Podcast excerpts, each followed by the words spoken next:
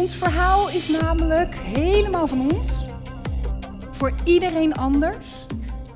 Volledig authentiek, niet inwisselbaar. Ik zeg altijd tegen de mensen met wie ik werk: als jij nog een verhaal schrijft waar ik jouw naam onderuit kan gummen en de mijne erop kan schrijven, en dan klopt het nog steeds, Yvette had het ook kunnen zeggen, dan klopt er iets niet.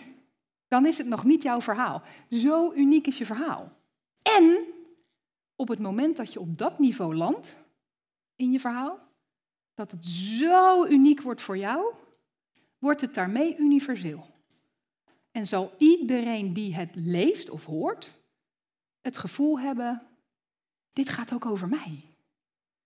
Dit gaat ook over mij. Heeft iemand die ervaring al wel eens gehad? Dat hij op, bijvoorbeeld op Facebook een heel persoonlijk verhaal van iemand las? Persoonlijker dan dat wordt het niet. En dat je toch het gevoel had, nou, het is alsof het over mij gaat. Alsof het voor mij geschreven is dit. Wie heeft dat? Doe even handen. Ja, niet op Facebook, dus ik hou mijn hand omlaag. Ja, ergens anders mag ook, hè. Ja, maar die ervaring die hebben, dat is mooi. Wie heeft het wel eens gehoord van een ander over jouw verhaal? Dat iemand zei, dat wat jij zei of schreef, heeft, dat lijkt alsof het voor mij ging. Ja, hè? Ja. En dat is ook meteen het spanningsveld waar we het over hebben.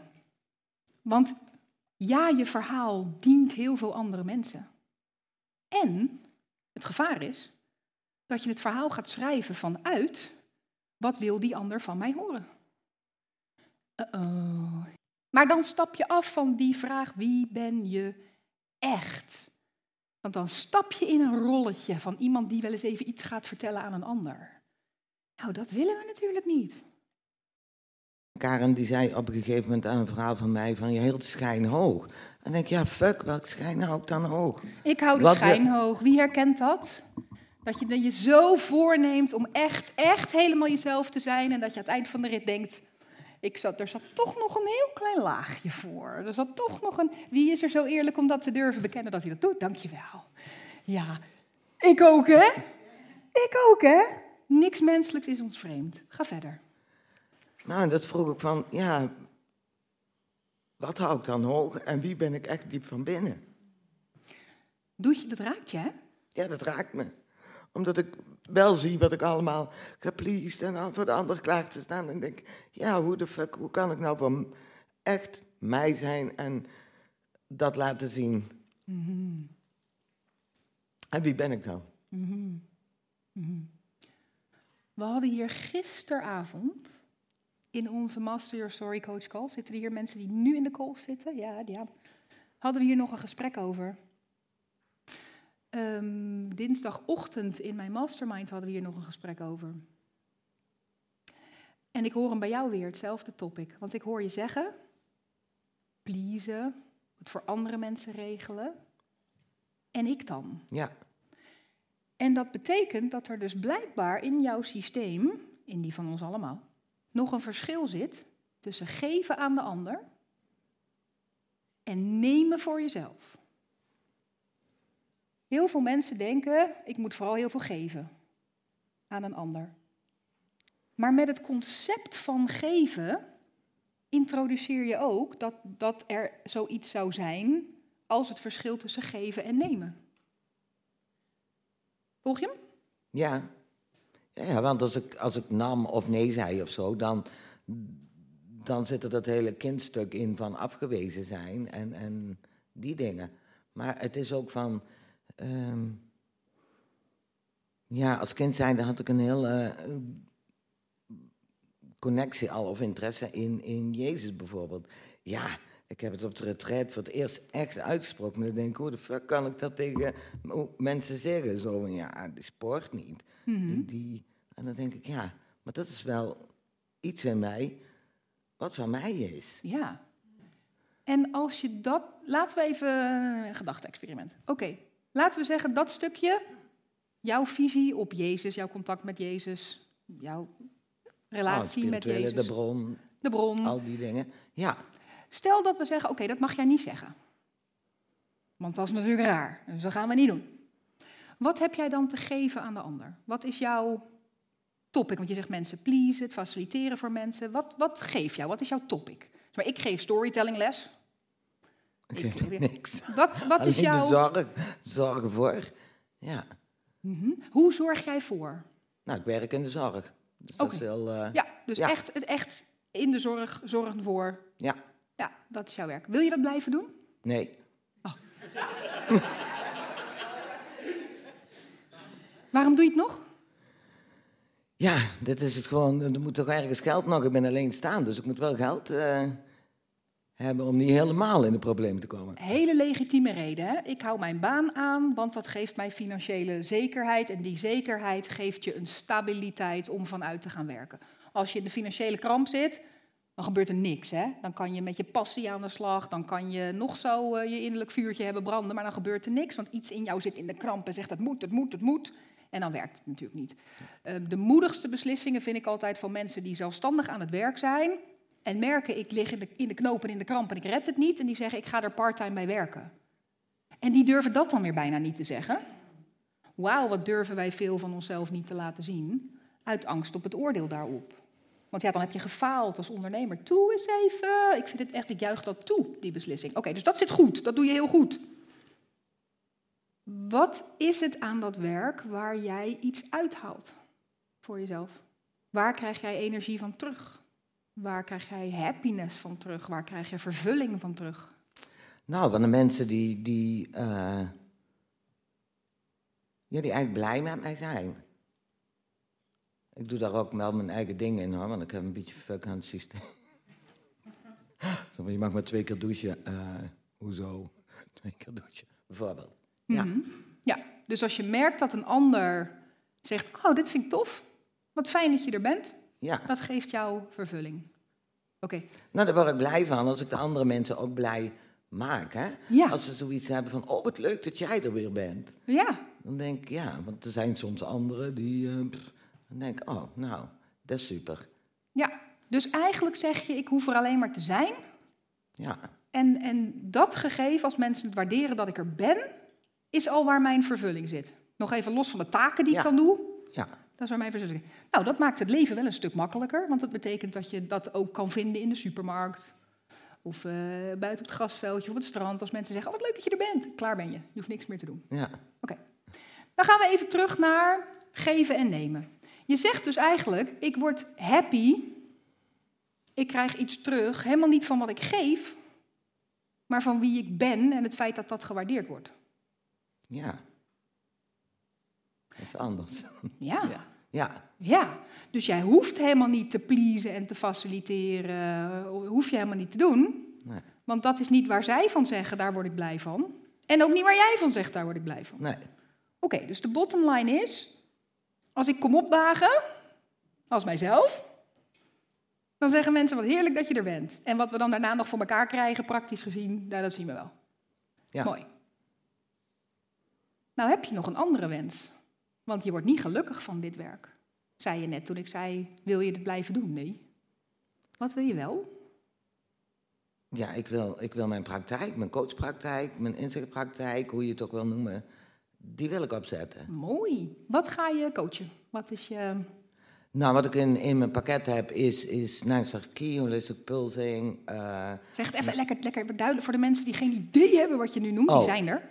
Nine Star Key astrologie, Nine Star Key, dat is met astrologie. elementen. Eh, holistic Pulsing, heel oneerbiedig gezegd, is het wiegen van mensen, zoals je baby's eh, wiegt. Ehm, nou, ik heb een prachtige creatie eh, gemaakt die ik uit ga werken. Ehm, ja, en ik zeg ook heel veel wat, wat nog ter tafel komt. Ik weet het soms ook niet. Nee, ik ook niet. Daar heb ik ook last van. Ja. Ik weet het ook nooit. Ik zeg altijd, er is meer tussen hemel en aarde en dat kan ik niet invullen. Dat doen ze daar. Precies. Ja. Oké, mooi. Nou, dus dat is wat je gaat doen daar. Een beetje net als in de zorg, al die taken hè, die je doet, van het Ja. douchen en enzovoort. Daar hebben we net geconcludeerd dat het daar niet over gaat.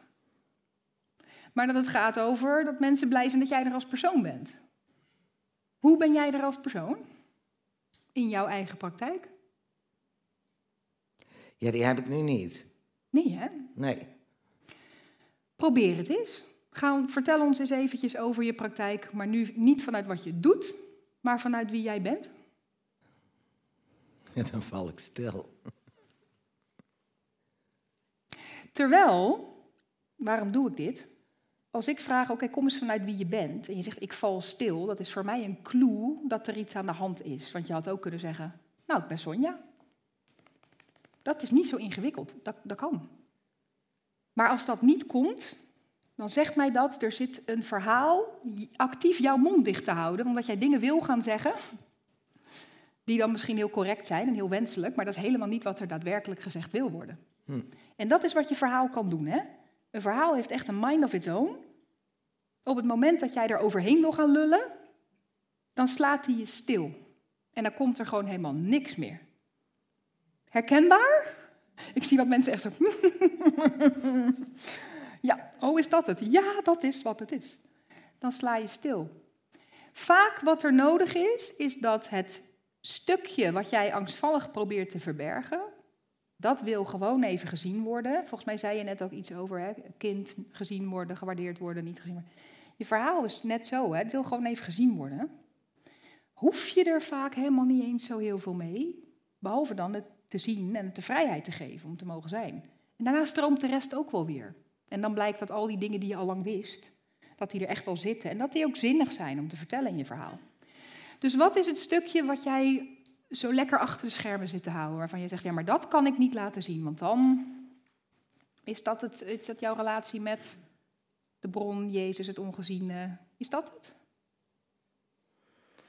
Ja, wat eigenlijk in mij bovenkomt is uh, dat ik als, als kind mijn oma, uh, ik zie niet, ik voel, ik weet, gezien heb. Vertel me daar eens wat meer over als je wil. Hoe zat dat? Neem mij eens mee. Um, S'nachts. Lagere school. Een beetje uh, einde van de lagere school. Dat s'nachts eigenlijk ik wakker werd en het gevoel heel duidelijk dat, dat mijn overleden oma er was van moeders kant. Of van vaders kant. En, en ja, ik gewoon heel bang was, want wij hadden het nooit over dit soort zaken. Dus ik, ik wist bij God niet wat ik daarmee mee moest. En het was een paar nachten. En toen heb ik maar gezegd, uh, en dat raakt mijn oma, ga maar weg. Want ik ben bang. Hmm. Nu hebben we story? Hoor je het? Ik ga je even, ik loop niet weg bij je, ik laat je niet alleen. Je moet alleen het flipboard. Nee, flip over. Whiteboard, flip over. Flipboard. en flip. Ja, misschien kan die dat, weet ik niet. Oké. Het was nacht. Eindlagere school. Storytellers in de zaal. Waar begint Sonja nu keurig mee? Dank je. De setting. Ieder verhaal begint met een setting. Hoi, ik ben Yvette, ik geef les in storytelling, ik geef eh, workshops in theaters en ik geef... Dat is helemaal geen setting, hè? Kan je, kunnen, jullie kunnen dat niet voor je zien. Ik ben Yvette en ik geef storytelling. Welk beeld heb je daarbij? Geen. Nou ja, misschien komt dat wel, maar dan moet je erover nadenken. Maar als je zegt het was nacht en ik was jong, het was eindlagere school, dan heb je meteen een plaatje. Kindje in de nacht in bed. Terwijl we dat niet eens weten of ze in bed lag. Maar wie van jullie zag er in bed liggen? Ja, dit is wat ons brein doet. Als je begint met story. Het bouwt een beeld op. We zijn allemaal gehardwired op story. Wij snappen dat. Dan moet je daar alleen wel mee beginnen, want anders snappen we het niet. Dan denken we, je geeft storytelling. Fuck, moet ik me daarbij voorstellen? Geen clue. Hier kan ik me letterlijk iets bij voorstellen. Mooi. Nou, dat is de setting. En wat gebeurt er? Eh, ik word wakker. Word ik wakker. En ik heb heel duidelijk het gevoel dat ik mijn oma, dat mijn, oma, mijn overleden oma er is. Nou, ik zei het al even, wat gebeurt er? Dat is namelijk de tweede stap in story, in de structuur. Wat gebeurde er dan precies? Ik word wakker en ik heb helemaal het gevoel dat mijn overleden oma bij mij in de kamer staat. En ik schrik daarvan. En ik ben een beetje bangig, want wij hebben het daar niet over thuis. Wordt thuis helemaal niet over gepraat. En wat zeg ik? Ik zeg: ga maar weg. Jeetje. Dit is eigenlijk wat deel 2. met de opmaat naar het volgende stukje. Want nu pas wordt het interessant. Want wat willen wij nu met z'n allen weten? Hoe dat en toen? En toen? En toen? Nou, Sonja, en toen? Wat gebeurde er met jou? Jij zegt, ga maar weg. Dat is een anticlimax, want ze ging brengen. Toen kwam niet meer terug. Ze kwam gewoon niet meer terug. En hoe voelde jij je daarbij? Wat heeft dat met jou gedaan? Nou, in principe een stuk opluchting. Ja? Maar later gaandeweg, en, en het is nu, dan denk ik, ja, shit. Wat zou er gebeurd zijn als ik, eh, als ik er niet weggestuurd had? Deze vond ik ook wel mooi. Ja, shit. Storytellers, waar zijn we nu mee bezig? Welk stukje in de structuur? Ja, de emotie, hè? Emotie en energie. En wat ik bedoel met emotie en energie, dat moet ik zeker in de context van dingen als overleden oma's even uitleggen. Want anders denk je, oh, dat soort energie. Nee, ik bedoel de energie van het verhaal. Je kan namelijk gaan in het, ja, ik was daar bang voor en ze kwam niet terug. En, eh, en oh, ik heb altijd maar een beetje op mijn tenen gelopen van, ja, zou het weer gebeuren? En dan krijg je een nerveuze energie in het verhaal. Begrijp je? Maar je kan ook zeggen, ze kwam niet meer terug en ik was me toch happy? Twintig jaar lang geen vuiltje aan de lucht. Lekker man, dan heb je een hele andere soort energie in je verhaal. Ja? Dus dat is de energie die ik bedoel. De tone of voice van het verhaal. Dat voel je. Emotie ook. Emotie wil, is niet hetzelfde als drama. Dat denken mensen soms. Hier, hier komt de emotie. Oh, dan moet ik dus op mens. Nee. Emotie is gewoon, man, ik ben opgelucht. Maar ja, later denk ik, shit. Dat is gewoon de emotie, hè? Wat ging er door jou heen? Welke emotie was het? Ja, ze kwam niet terug. Op dat moment was ik opgelucht. Maar ja, later dacht ik shit. Wie zou ik zijn geweest als ik het had toegelaten? Hoe zou het zijn geweest als ik het had toegelaten? Ga eens verder. Ja, eigenlijk is er niks meer, want ze is eigenlijk nooit meer teruggekomen. Maar goed, ik heb wel het gevoel bij andere energieën. Oh, kijk, wij gaan. Ze is nooit meer teruggekomen. Oké, maar ik heb wel gevoel bij andere energieën. Ja, dus we gaan verder. Oké, hoe zou het zijn geweest als ik dat had toegestaan? Nou, ja, dat zal ik nooit weten. Mijn oma is trouwens ook nooit teruggekomen. Maar ik heb wel gevoel bij andere dingen. Oké, vertel daar zo. Ja, dat, dat is. En ik, ik zie ook andere dingen dat ik denk, ja. Mm, hè, dat gevoel van de energie van, van Jezus. eh, ik heb wel eens bij een groep mensen gezeten als terugkom. eh, dag van een cursus dat ik. eh, ja, de staart van de duivel zag. Ik denk. eh, hoe? Wat? Pardon? Zo, duivel, kak. Ja, het zijn Maar ook hele woorden. mooie andere dingen. Noem er nog eens twee. Eh, ik heb een beeld gezien dat ik eh, als de twee Maria's op de Kruiseringsberg bij Jezus zat. Nou ja, ik was iemand eh, met een vriendin die we uitwisselen eh, in, in elkaar behandelen. En zij had mij behandeld, 20 minuten of zoiets. En ik, we ruilen. Ik sta eigenlijk een beetje om mezelf te concentreren. En ik zie dat beeld en ik denk, hoef niks meer te doen. Mooi. En nummer drie. Ja, waarin ik laatst voelde van geconnect met dat beeld dat toen de twee Maria's de energie vasthielden om eh, wat daar moest gebeuren te laten gebeuren. En dat nu zijn energie en lichtzaal bij mij is om mij te helpen in onder andere als lichtwerker in dit transformatieproces. Oké, mooi. Want de kracht van drie.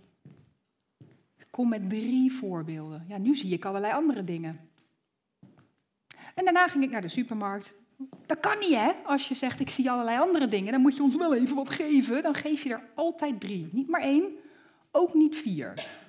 Drie, drie voorbeelden is wat ons brein nodig heeft om erin te kunnen landen. En om te zeggen, oh ja, ik snap het, nu mag je door.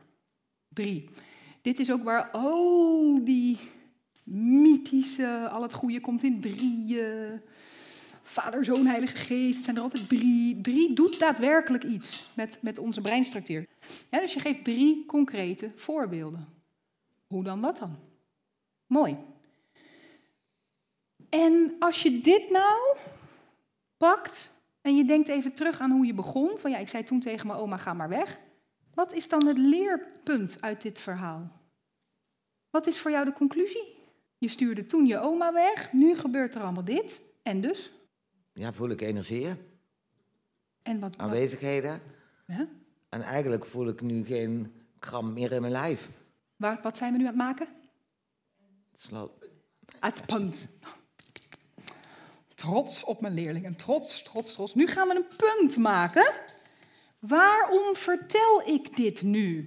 Want ze had ook gewoon kunnen zeggen: Nou ja, ik voel energie. Kijk maar, dit, dit, dit, dit, dit. Dan ben ik klaar. Eh, eh, beetje saai. Het is veel leuker als er eerst een dode oma langskomt die je dan wegstuurt. En dat je dan daarna allemaal in de krant ligt. Sorry. Is dat, kan je dat hebben? Jawel, toch? Ja, Jawel. Nee, oké. Dat dacht ik. Ehm, ja, je moet het ook een beetje luchtig houden. Hè? We hoeven niet. eh, dus ehm, dat maakt namelijk wel een goed verhaal. Ik zeg ook altijd tegen mijn leerlingen: ik zeg, ergens moet je dat mes erin steken hè, bij je luisteraar. En dan omdraaien. Dankjewel, Brechtje. Ja, precies. En dan nog even omdraaien. Dat is, eh, dan zeg ik: wat een mooi verhaal. Dan zegt iemand: ze mogen geen mooi verhaal, dat is verschrikkelijk. Ik ja, maar wel mooi. Ja, dat is misschien iets storyteller eigens, weet ik niet. Eh, punt aan het maken. Dus, dus ik besef me nu, ik besef nu, ik realiseer mij nu, ik besef nu, ik, zie en voel al die energie gewoon, maar ik voel nu geen kramp meer. Zoals ik toen had bij mijn oma. Dus we grijpen even terug op het begin, daarmee maken we een ronde compositie. Want je bent niet voor niks begonnen bij dat moment dat je je oma wegstuurde. Ja. En ik voel nu geen kramp meer. Wat zou jij daar nou voor jezelf uit mee kunnen nemen? Op die hele vraag van ja, shit, wie was ik nou geweest als ik dat had toegestaan? Maar ja, ik voel nu voel ik het en heb ik geen kramp meer. Wat nou Wat in me opkomt is kramploos zijn. Wat zei je? Kramploos. Ja, en wat gebeurt er dan met jou? Wat ga je dan doen? Wat kunnen we daarmee? Ja, ik kan dat gebruiken, in, in, inzetten om mensen te helpen. En waarom kon je dat eh 15 jaar geleden niet? Omdat er die kramp nog zat. Ja, en nu zit die kramp er niet meer, dus nu kan ik het gebruiken. Hoe doet jou dat voelen? Ja, dat voelt heel lekker. Dat voelt eigenlijk als, als mij. Wacht even, maar toen ik net vroeg wie ben je dan? En vertel eens iets vanuit wie je bent in je praktijk en niet vanuit wat je doet, zei ik heb geen clue. En nu heb je mij een verhaal verteld, wat mij 100% duidelijk maakt wat jij doet. Want ik snap nu als ik bij haar in de coaching kom, dan moet ik me even vasthouden. Want dan gebeuren er dingen, hè? Dan krijgen we energie en dan krijgen we beeld en dan krijgen we heling en dan krijgen we zij die zegt, oh, er staat iemand in de hoek. En dan gaan zeggen, ik snap nu precies wat ik bij jou kom doen. En jij zegt, die persoon, dat ben ik. Waar dat vrij kan stromen. En dan zeggen wij, oh, kippenvel, want nu hebben we antwoord op die vraag, hoe zou het geweest zijn als? Wie was ik geweest als ik dat vrij kon laten stromen? Je bent het nu. Bent het nu. Ga het zijn. En we hebben een story in een perfecte structuur. Werk dit uit en je hebt een over mij pagina. Ja. Sonja is nog helemaal beduust, zie je het? ja? Sonja is nog beduust. Nou, waar, maar dat, dat is de hele programmering waar ik aan zat te denken. Van, eh, mensen willen altijd een naam, hè? Net zoals ik zei. eh, eh, ja, ik ben een coach, eh, eh, pff, werk met energie, inzichtbrenger. En dan denk ik, ja, Boeien. ja, Even boeien hoor. Wat ben ik? Sonja, geef mij zijn naam. Wat ben ik? Wat is mijn titel? ja, jij bent storyteller. Echt niet. Ik ben een coach. Oh. En, en, Doe, doe nog eens. Wat ben ik? all in one. Ja? Ja, ik ben coach. Ja, ik ben trainer. Ja, ik ben storyteller. Ja, ik ben Ja, artiest. ik ja, merkte ben ook heel goed Ja, dat, ik ben- dat het, Ja. het programmeerplaatje Ja. is zo van... het moet onder een naam, onder een Ja. kopje Ja. te, te pakken zijn... om, om duidelijk te maken of Ja. zo. Of Voor je te profileren naar, naar de buitenwereld. Kies een woordje waarvan je denkt, nou, dat klopt ook al wel aardig, zit wel aardig in de richting. Ja, Zet dat erboven, kijk er de komende drie jaar niet meer naar en ga je verhalen vertellen. Ja, Dat is wat ik heb gedaan, hè? De eerste drie jaar in mijn bedrijf, zoals je mij ooit nog hebt gezien, zo back in 2015, en je zag mijn website, lelijk! Lelijk was die web... Oeh. En dit is ook wel heel veel ik. Jeetje, wat dacht ik toen ik dit maakte? Ja, ik heb niet zo moeite met zichtbaar zijn en mezelf laten zien, dat zie je. Ehm, toen ik die website had, lelijk dat dat ding was. Het was Linda die dat tegen mij zei toen ik eindelijk in 2017 aan de slag ging met een nieuwe website, met Creation Lab. Daar gooide ik dan ook wel grof geld tegenaan, omdat die mensen mij dan gingen branden. Toen werd dat een website en toen zei Linda, goddank, want het was me lelijk daarvoor. Ik zei, waarom heb je dat nooit gezegd? Dat zijn dan mijn vrienden. Hè? Maar de, de realiteit is, ze heeft dat niet gezegd omdat het niet boeit. Ik was lekker bezig. Het maakte geen donder uit wat daarop stond. Echt niet. Het heeft bijna drie jaar geduurd voordat iemand zijn vinger opstak en zei: Yvette, er is mij iets opgevallen aan jouw website. Ik zeg, oh, wat dan? Ze zegt, ja, je hebt het over storytelling, maar ik lees nergens jouw verhaal. Nee, klopt. Want ik ben er nog niet uit. Ik ben er gewoon nog niet uit. Ik ga gewoon lekker los op de socials. Daar vertel ik elke keer een verhaal. En daar ga ik live. Daar laat ik gewoon zien wie ik ben.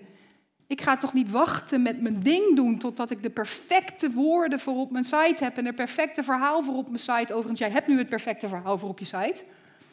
En zet daarboven, ik ben coach en ik werk met energie. De komende drie jaar niet meer naar kijken en gaan met die banaan. Ja. Dus nu vraag ik het nog een keer, lieve Sonja.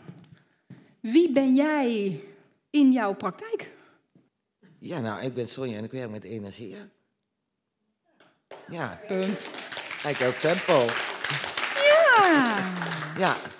Dus je bent net in 10 minuten, ik heb geen idee of het 10 minuten waren, ik ben heel slecht met de tijd, maar je bent in een paar minuten gegaan van er komt niks, ik sla dicht, emotie, want dat raakt me zo, ik kan niet zijn wie ik ben, naar ja, ik ben toch gewoon Sonja en ik werk met energie, super simpel. Huh? Ja. Er zat gewoon wat dwars. Er wilde een verhaal verteld worden op een bepaald level van concreet worden, waar je nog net niet kwam.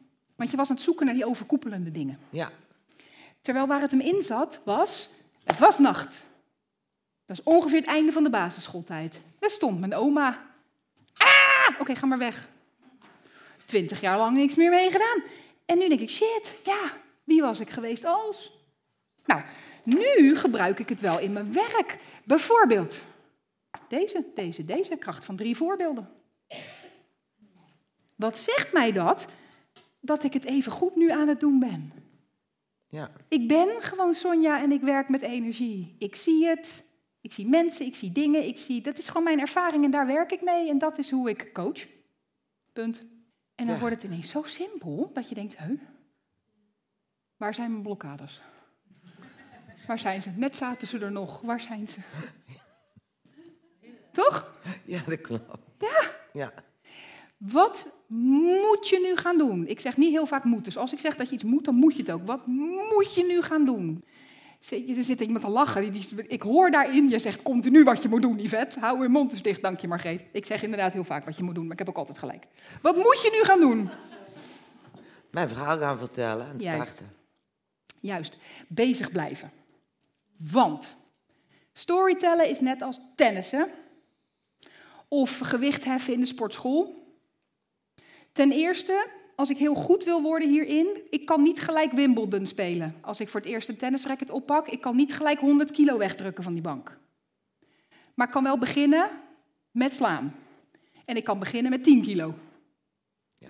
Doe ik het vervolgens niet meer, dan lukt het me ook niet meer.